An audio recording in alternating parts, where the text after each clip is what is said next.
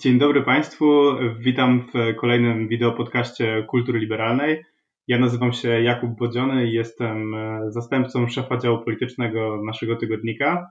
I na wstępie chcieliśmy bardzo podziękować e, naszym darczyńcom, naszym patronom i matronom, którzy wspierają nas zarówno przez e, naszą stronę www, jak i profil na serwisie Patronite, bo właśnie dzięki Wam i dzięki Waszemu wsparciu takie podcasty mogą powstawać, a kultura liberalna może się rozwijać w nowych formatach, właśnie w audio i wideo. Także jeszcze raz bardzo, bardzo Państwu dziękujemy. A dzisiaj naszym gościem będzie profesor Kasper Szulecki. Dzień dobry. Kasper jest y, członkiem naszej redakcji, ale na co dzień pracuje też w Uniwersytecie w Oslo i zajmuje się głównie kwestiami klimatycznymi, kwestiami związanymi z energetyką, z transformacją energetyczną. Dlatego dzisiaj będziemy rozmawiać właśnie o klimacie i o tym, co nas czeka w polityce klimatycznej w 2021 roku. I ty, Kacper, napisałeś w swoim tekście niedawno w Kulturze Liberalnej właśnie o swoich przewidywaniach na 2021 rok.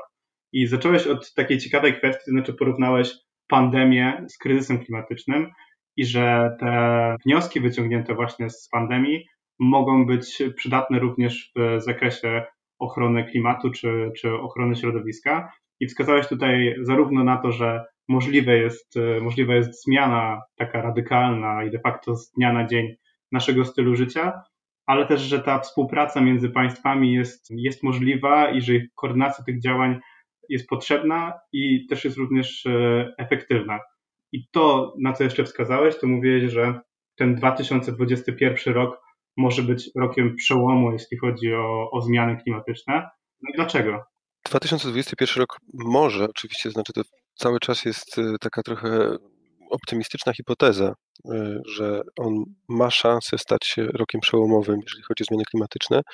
To przede wszystkim dlatego, że zmiany klimatu przyspieszają, to znaczy widzimy i odczuwamy je coraz mocniej, a przez to coraz trudniej jest je podważać i stają się coraz bardziej istotnym problemem politycznym. To, co wspomniałeś, pandemia y, pokazała, że jesteśmy w stanie rzeczywiście dość szybko i dość gwałtownie zmienić y, nasz sposób życia. Wcześniej, jeżeli chodzi o politykę klimatyczną, bardzo często mówione było to, że, że ona jakby narzuca zbyt duże obciążenia, że ludzie nie są w stanie pogodzić się z tego typu zmianami, nikt się na to nigdy nie zgodzi.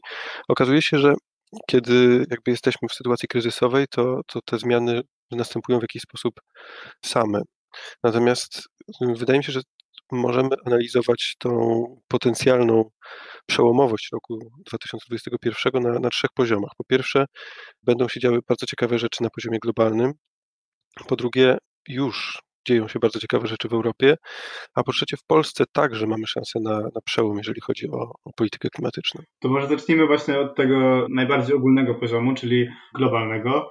W tym roku ma odbyć się przełożony szczyt klimatyczny w Glasgow, ponieważ z powodu pandemii w 2020 roku się nie odbył. Co tak naprawdę tam może zostać ustalone? I jakbyś mógł przybliżyć szerzej właśnie tą kwestię szczytów klimatycznych, bo wydaje mi się, że bardzo wiele się o nich mówi i one często się pojawiają w, w różnych e, debatach czy w tekstach publicystycznych, ale nie do końca tak naprawdę wiemy, kto i co tam ustala. To będzie już 26. szczyt klimatyczny ONZ-owskiej Komisji Ramowej dotyczącej zmian klimatu. Tak naprawdę, chociaż będzie przełożony na 2021 rok, to będzie szczyt występujący 5 lat po porozumieniu paryskim, przez to właśnie, że został przełożony o rok. A porozumienie paryskie jest jakby realizowane w ramach takich pięcioletnich planów, to znaczy po pięciu latach obietnice, które składają państwa na forum ONZ dotyczące tego, jak będą, jak będą się starały redukować swoje emisje i jak będą się starały chronić klimat, te obietnice są e, potem raportowane i co pięć lat mogą zostać znowu ustalone nowe cele. Założeniem podstawowym polityki klimatycznej w ramach porozumienia paryskiego jest to, że pomimo iż nie mamy jakby wiążących celów narzuconych odgórnie, to państwa powinny właśnie przez to, że wszystkie razem ogłaszają te obietnice i wszystkie razem wspólnie się im przyglądają, to jakoś będą sobie kibicować i, i, i wywierać na siebie nacisk po to, żeby te plany były coraz bardziej ambitne. I tak naprawdę pierwszy moment, w którym będziemy mogli zaobserwować to, czy porozumienie z Paryża działa, czy nie, to będzie rok 2021. Dlatego, że teraz dopiero Wiemy już, co państwa zrobiły przez pierwsze pięć lat. Wiemy już, co większość państw, w tym Polska w ramach Unii Europejskiej, obiecuje na kolejne pięć lat. I w Glasgow jakby będzie trwała dyskusja rzeczywiście na temat tego, dlaczego przede wszystkim nie, te ambicje jeszcze nie, nie są wypełnione, to znaczy dlaczego państwa wciąż obiecują za mało. No właśnie, znaczy wydaje mi się też, że mamy taki rozdźwięk między deklaracjami a rzeczywistością, no bo wciąż te cele które były wyznaczone, one nie są realizowane. I myślisz, że tutaj się w tej kwestii może coś zmienić? Przede wszystkim tak naprawdę dowiemy się, jak daleko jesteśmy od realizacji tych celów dopiero właśnie, kiedy podsumujemy to, co, co, co działo się w ciągu pierwszych pięciu lat. E, tutaj niestety jakby to się robi coraz bardziej skomplikowane, bo nie, nie będę wchodzić w szczegóły, ale państwa w Paryżu podjęły decyzję taką, że owszem, będą składać obietnice i będą raportować, natomiast przegląd tego, jak poszczególne kraje wypełniają swoje obietnice, nie będzie robiony na forum ONZ. Po to, żeby nie alienować jakby tych państw, które są z jakiegoś powodu albo mniej ambitne, albo nie radzą sobie z realizacją swoich celów. Państwa będą wspólnie patrzeć na to, jak wspólnie realizują cele zbiorczo.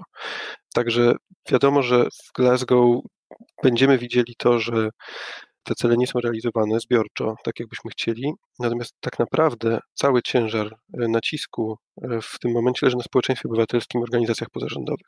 Państwa mogą różnymi instrumentami wspierać albo naciskać na e, tych, którzy powiedzmy no, nie nadążają. Na przykład kraje rozwinięte mogą tworzyć systemy wsparcia, takie jakby to pomocowe, znaczy pomoc rozwojową dla krajów rozwijających się, która będzie w jakiś sposób oparta o cele klimatyczne. Natomiast nie mogą wytykać się nawzajem palcami. Zatem tym może jak najbardziej zajmować się społeczeństwo obywatelskie, więc my, powiedzmy jako obywatele polscy, możemy wykazywać pewne braki w ambicji polskiego rządu, niekoniecznie może skupiać się na państwach rozwijających się. A jeśli chodzi jeszcze o ten wątek powiązania pandemii z, z kryzysem klimatycznym, to mówi się, oczywiście zwraca również uwagę na na kwestię ogromnego kryzysu gospodarczego, do którego doprowadziła epidemia koronawirusa, ale ty również wskazujesz na to, że paradoksalnie to może pomóc w walce ze zmianami klimatu, ochronie środowiska jest to związane z tak zwanym hasłem zielonej odbudowy, na które również w rozmowie z kulturą liberalną wskazywał premier Jerzy Buzek. I co ta zielona odbudowa znaczy i na czym ona tak naprawdę polega?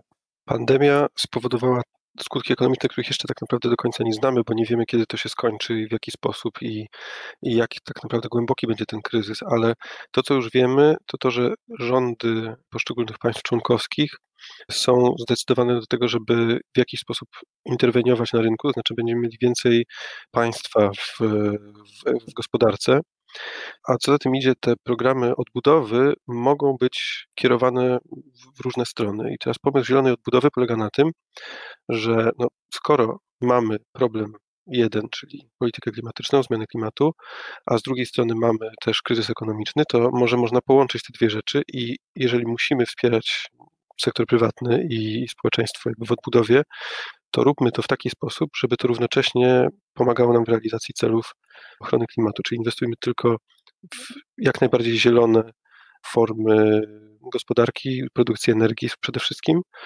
I w ramach tego pojawił się niezależnie od, od pandemii pomysł e, Europejskiego Zielonego Ładu. Który już wcześniej był rozwijany. Tak, on był zaproponowany już w grudniu 2019 roku, ale tak się złożyło, że jakby pandemia rzeczywiście zbiegła się z czasem, kiedy on był konkretyzowany. I Europejski Zielony Ład na pewno ma potencjał i instrumenty do tego, żeby dalej jakby tą ekonomiczną stronę polityki klimatycznej w Europie rozwijać z naprawdę dużym zamachem, bo to, to jest coś naprawdę na skalę, jakiej jeszcze w Europie nie widzieliśmy. No tak, bo ten program jest y, wszechstronny, to znaczy on nie dotyczy na przykład tylko energetyki albo tylko przemysłu czy tylko transportu. To właśnie na co wskazywał w rozmowie z nami premier Jerzy Buzek, to była taka kompleksowość tego, to znaczy on dotyczy niemal każdej dziedziny naszego życia. Jasne. Dla kogoś, tak jak ja, zajmuje się polityką ekologiczną od już kilkunastu lat, czytanie pierwszego projektu Europejskiego Zielonego Ładu to było coś absolutnie niesamowitego. To jest tak, jakby ktoś stworzył listę życzeń e, dotyczącą fajnych rzeczy w ekologii europejskiej, które należałoby zrobić i po prostu nagle zrobił z tego podstawę europejskiego prawa. Jest coś, co jakby ciężko jest może, patrząc z zewnątrz, zrozumieć, jak, jak gigantyczny to jest krok rzeczywiście tutaj logika zrównoważonego rozwoju i polityki klimatycznej e, jest wdrażana we wszystkich tak naprawdę obszarach gospodarczych Europy, od rolnictwa przez transport, budownictwo, gospodarkę obiegu zamkniętym, także to wszystko jest połączone w ramach Europejskiego Zielonego Ładu. I rzeczywiście już w zeszłym roku mieliśmy początki tego jakby konkretyzacji tego poprzez prawo klimatyczne, ale w 2021 roku Komisja Europejska będzie musiała dalej rozwijać to prawo i dalej jakby przygotowywać coraz bardziej jasne założenia. Między innymi coś takiego, co można w skrócie nazwać cłami węglowymi. Na czym to polega? Właśnie nie, nie, chcę też znowu wchodzić w zbyt techniczne szczegóły, ale problemem europejskiej polityki klimatycznej i jakby walki z emisjami dotąd było to, że słusznie zarzucano europejskiej regulacji, że wypycha przemysł wysokoemisyjny poza granice Europy. To znaczy, jeżeli w Europie emisje drożeją, to oznacza, że nie przestaniemy nagle konsumować towarów, które wymagają wysokiej emisji, tylko one będą produkowane gdzie indziej, a my będziemy je do Europy importować. Sposobem na ominięcie tego problemu, czy właściwie rozwiązanie tego problemu, jest wprowadzenie na granicach Unii Europejskiej takich jakby ceł węglowych, polegających na tym, że wszystkie towary, które będą do Europy trafiały, będą miały taki dodatek, jakby, który wyrównuje poziom regulacji e, dotyczących emisyjności wewnątrz i, na zewnątrz. I w ten sposób, jeżeli coś przyjeżdża do nas z Chin, to na rynku europejskim będzie tak samo musiało konkurować dokładnie po tych samych cenach, jak e, rzeczy produkowane w Europie, co wesprze jednocześnie europejski przemysł, ale też zwiększy nacisk na partnerów pozaeuropejskich, żeby albo jakoś dopasowali swoje regulacje do europejskich, albo jak jakby trochę pożegnali się z, z tym łatwiejszym dostępem do europejskiego rynku. I stąd właśnie pojawia się idea klubu klimatycznego. Ekonomiści i politolodzy już od kilku lat mówili o tym, że skoro ten ONZ-owski system walki ze zmianami klimatu jakby no grzęźnie i idzie tak powoli, to może zamiast tego lepiej skupić się na mniejszej grupie bardziej ambitnych państw, które założą coś w rodzaju takiego właśnie elitarnego klubu i będą takimi, no nie wiem, porównując to do amerykańskich seriali o licealistach, to będzie jakby taka grupa tych cool kids, e, mhm. do których wszyscy inni będą chcieli dołączyć. No tylko, żeby być tym cool kid, trzeba mieć jakieś dobra klubowe, to znaczy coś, co będzie powodowało, że inni rzeczywiście będą chcieli stać się częścią naszej paczki.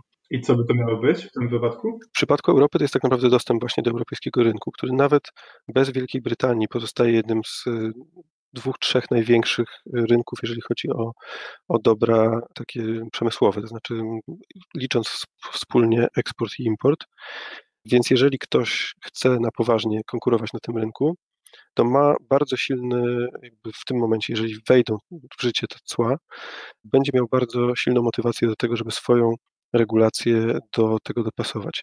Kiedyś w regulacji ekologicznej przodowała Kalifornia i mówiło się nawet o takim efekcie kalifornizacji tych norm e, klimatycznych, natomiast teraz zdecydowanie jest to europeizacja i oczywiście bardzo ciekawe rzeczy będą się działy, jeżeli te, te cła zostaną wprowadzone. Nie wiemy, jak zareaguje na to Międzynarodowa Organizacja Handlu. Przez wiele lat to był temat tabu, no bo to są jednak cła, których ta organizacja nie lubi, ale Unia Europejska jest już na tyle zmotywowana, a kryzys klimatyczny jest na tyle poważny, że wszystko wskazuje na to, że jakby WTO nie będzie rzucało Europie kłód pod nogi. Także wchodzimy w taką jakby trochę nową epokę światowego handlu i, i nowy rozdział tego liberalnego systemu światowego. No właśnie, znaczy też wspomniałeś o Europejskim Zielonym Ładzie jako o takiej liście życzeń, jeśli chodzi o zaradzenie właśnie kryzysowi klimatycznemu. Pytanie, na ile ta, ta lista życzeń według Ciebie jest e, realna? No bo tym takim najgłośniejszym postulatem jest e, neutralność klimatyczna Unii Europejskiej do 2050 roku. To znaczy, że państwa Unii Europejskiej będą pochłaniać taką samą ilość emisji, jaką emitują, tak żeby ten bilans emisji wychodził na zero, a docelowo później Unia Europejska ma być że tak powiem, na minusie, czyli te, ten ślad ma być na minusie, jeśli chodzi o Unię Europejską. I jak ty to oceniasz? Na ile to jest realistyczne? Mhm. Oczywiście chciałbym wierzyć, że to jest, że to jest osiągalne, dlatego że to jest y, taka ścieżka dekarbonizacji, jaka jest potrzebna według y, klimatologów, żebyśmy uniknęli tych najbardziej niebezpiecznych y, progów, za którymi rzeczywiście klimat planety wymyka się trochę, z, znaczy, nie to, że możemy go kontrolować, ale wymyka się już jakby przewidywaniom. To, czy będziemy w stanie to zrealizować, zależy od bardzo wielu czynników, na których niestety tylko częściowo mamy wpływ.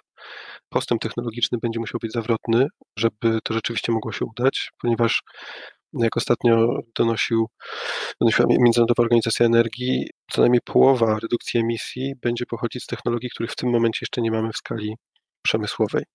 Także to jest oczywiście daleka wizja, ale pamiętajmy o tym, że no mamy na to jeszcze prawie 30 lat. A jeżeli spojrzymy na to, gdzie byliśmy 30 lat temu, jak wyglądała technologia i jak wyglądała polityka klimatyczna, to wiadomo, że ten postęp jednak jest i, i dalej będzie. Także wiadomo, że jest to ambitna lista, ale wydaje mi się, że to naprawdę jest świetna wiadomość, że Unia Europejska stara się e, wprowadzać właśnie takie ambitne cele i jakby oswajać zarówno społeczeństwa, jak i różne grupy przemysłowe z tym, że taka jest właśnie wizja. Dlatego, że tak naprawdę dużo innowacji będzie pochodzić właśnie z dzisiejszych, nawet często wysokoemisyjnych sektorów przemysłowych, które już teraz mają jasny sygnał dotyczący tego, że po prostu muszą zmienić branżę e, w ciągu najbliższych dwóch, trzech dekad. A jak to wygląda w polskim przypadku? No bo takimi głośnymi sprawami było to, że Polska nie zadeklarowała tego celu neutralności klimatycznej do, do 2050 roku jako kraj, ale jednocześnie poparła te starania, żeby Unia Europejska jako blok była neutralna klimatycznie e, do tej daty. Głośne były również negocjacje z górnikami i deklaracja o odejściu od węgla i zamknięciu kopalń. Jak ty oceniasz ten miniony rok, jeśli chodzi o polską politykę klimatyczną? Czy to też są raczej życzenia i deklaracje, czy widzisz tutaj realne działania ze strony rządu? W przypadku Polski mam wrażenie, że rok 2020 rzeczywiście już był sam w sobie przełomowy, dlatego że pewne rzeczy, które zostały wtedy powiedziane i ogłoszone oficjalnie, jeszcze kilka lat temu zupełnie nie mieściłyby się w głowie. Na przykład to właśnie deklaracja o zaprzestaniu wydobycia węgla, która tak naprawdę dotyczy węgla kamiennego do 2049 roku, czy jednak poparcie bardzo głębokiej dekarbonizacji, jeszcze nie pełnej neutralności klimatycznej do 2050 roku, ale w tych ambitnych scenariuszach, które rząd zaprezentował w ramach polityki energetycznej państwa do 2040 roku, te redukcje emisji są już naprawdę znaczące. W porównaniu z tym, co było dyskutowane jeszcze 5 lat temu, to jest naprawdę e, kosmos zupełny. 2021 rok będzie musiał również przynieść po pierwsze jakby oficjalną, już ostateczną wersję tych strategii, a także kilka nowych dokumentów, na przykład prognozowaną już na, na kwiecień tego roku e, strategię wodorową, dlatego że wodór najprawdopodobniej e, jest tym elementem układanki, który jest rzeczywiście potrzebny do głębokiej dekarbonizacji, dlatego że potrzebuje go właściwie każdy miks energetyczny, e, niezależnie od tego, czy będzie oparty w całości na odnawialnych źródłach energii, czy na odnawialnych źródłach energii i energii atomowej, zawsze jak będą takie luki, które muszą być wypełnione przez jakieś elastyczne paliwo, które jest jakby jednocześnie magazynem energii, a wodór właśnie tym jest, dlatego że on będzie jakby produkowany z, w czasie, kiedy jest nadwyżka energii, a zużywany wtedy, kiedy jej brakuje. Także to oraz ogromne zmiany, które tak naprawdę mogą jeszcze mieć miejsce na rynku samochodów elektrycznych i to zarówno w skali światowej, dlatego że pojawiają się wreszcie modele samochodów, które mają naprawdę zasięg konkurencyjny z, samochodami spalinowymi, ale też stopniowe spadki cen i w ogóle rozwój baterii to wszystko razem będzie prowadziło rzeczywiście do, do, do zupełnie nowych e, sytuacji. Także dużo na pewno będzie się działo w 2021 roku. Tutaj e, warto chyba przypomnieć obietnicę premiera Mateusza Morawieckiego o milionie polskich aut elektrycznych do 2030 roku, jeśli dobrze pamiętam no to chyba się nie zdarzy. Chyba nawet do 2025, bo ta, ta obietnica była naprawdę, naprawdę ambitna. No, niestety chyba rzeczywiście się nie zdarzy. Natomiast przykłady chińskich marek, nowych zupełnie chińskich marek, y, idących podobnym modelem biznesowym jak Tesla, pokazują, że stworzenie od zera samochodu e, tak jak wcześniej wydawało się to być zupełnie zabawne, to nie jest kompletna mrzonka. To znaczy, ja jestem rzeczywiście ciekaw, czy w, czy w perspektywie 2030 roku nie powstanie rzeczywiście jakiś polski samochód elektryczny, który będzie wreszcie polskim samochodem w ogóle na rynkach międzynarodowych. Ale tak naprawdę, jeżeli się przyjrzymy na to, kto sprzedaje najwięcej samochodów e, elektrycznych, no to dalej przodują firmy, które po prostu wiedzą, jak robić samochody, bo jednak dobrze jest, żeby ten samochód oprócz silnika elektrycznego i baterii miał też jakieś e, koła, hamulce, karoserię i inne elementy, które powiedzmy wymagają trochę więcej doświadczenia w tej branży. A na koniec chciałem jeszcze spytać o kwestię związaną również z Polską, ale kwestię sprawiedliwej transformacji. To znaczy, to też jest hasło, które za każdym razem się pojawia i moje pytanie jest takie, czy właśnie z tego hasła coś Twoim zdaniem zacznie więcej wynikać w 2021 roku? Przede wszystkim jakby jak Ty rozumiesz tę sprawiedliwą transformację i w jaki sposób ona ma pomóc tym regionom węglowym w Polsce, czyli szczególnie Śląskowi, Lubelszczyźnie czy, czy w okolicach Bełchatowa? Sprawiedliwa transformacja w pewnym sensie to jest w ogóle polski wkład w globalną politykę klimatyczną. Znaczy nie jest tak, że Polska wymyśliła to hasło, ale na pewno i na forum europejskim, i na forum ONZ polscy politycy i dyplomaci bardzo dużo robili, żeby pokazać to, że owszem, transformacja jest niezbędna, ale jakby nie możemy zapominać o tym, że ona ma pewne koszty. To oczywiście wynika z tego, że Polska e, w skali Europy przynajmniej jest naprawdę najtrudniejszą albo jednym z najtrudniejszych przypadków, jeżeli chodzi o e, dekarbonizację.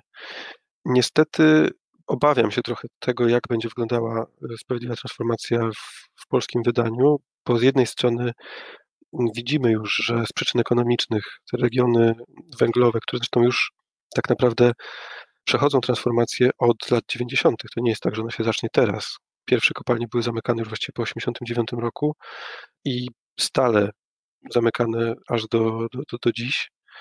Natomiast ona pewnie znowu przyspieszy z przyczyn ekonomicznych bardzo chciałbym wierzyć w to, że dość duże środki, które Unia Europejska mm, mobilizuje, Unia Europejska nie wydaje własnych pieniędzy, tylko mobilizuje pieniądze państw albo prywatnych inwestorów, że te środki będą rzeczywiście spożytkowane w taki sposób, żeby te regiony przestawić na trochę inną działalność w przyszłości, po to, żeby lądowanie było jak najbardziej miękkie.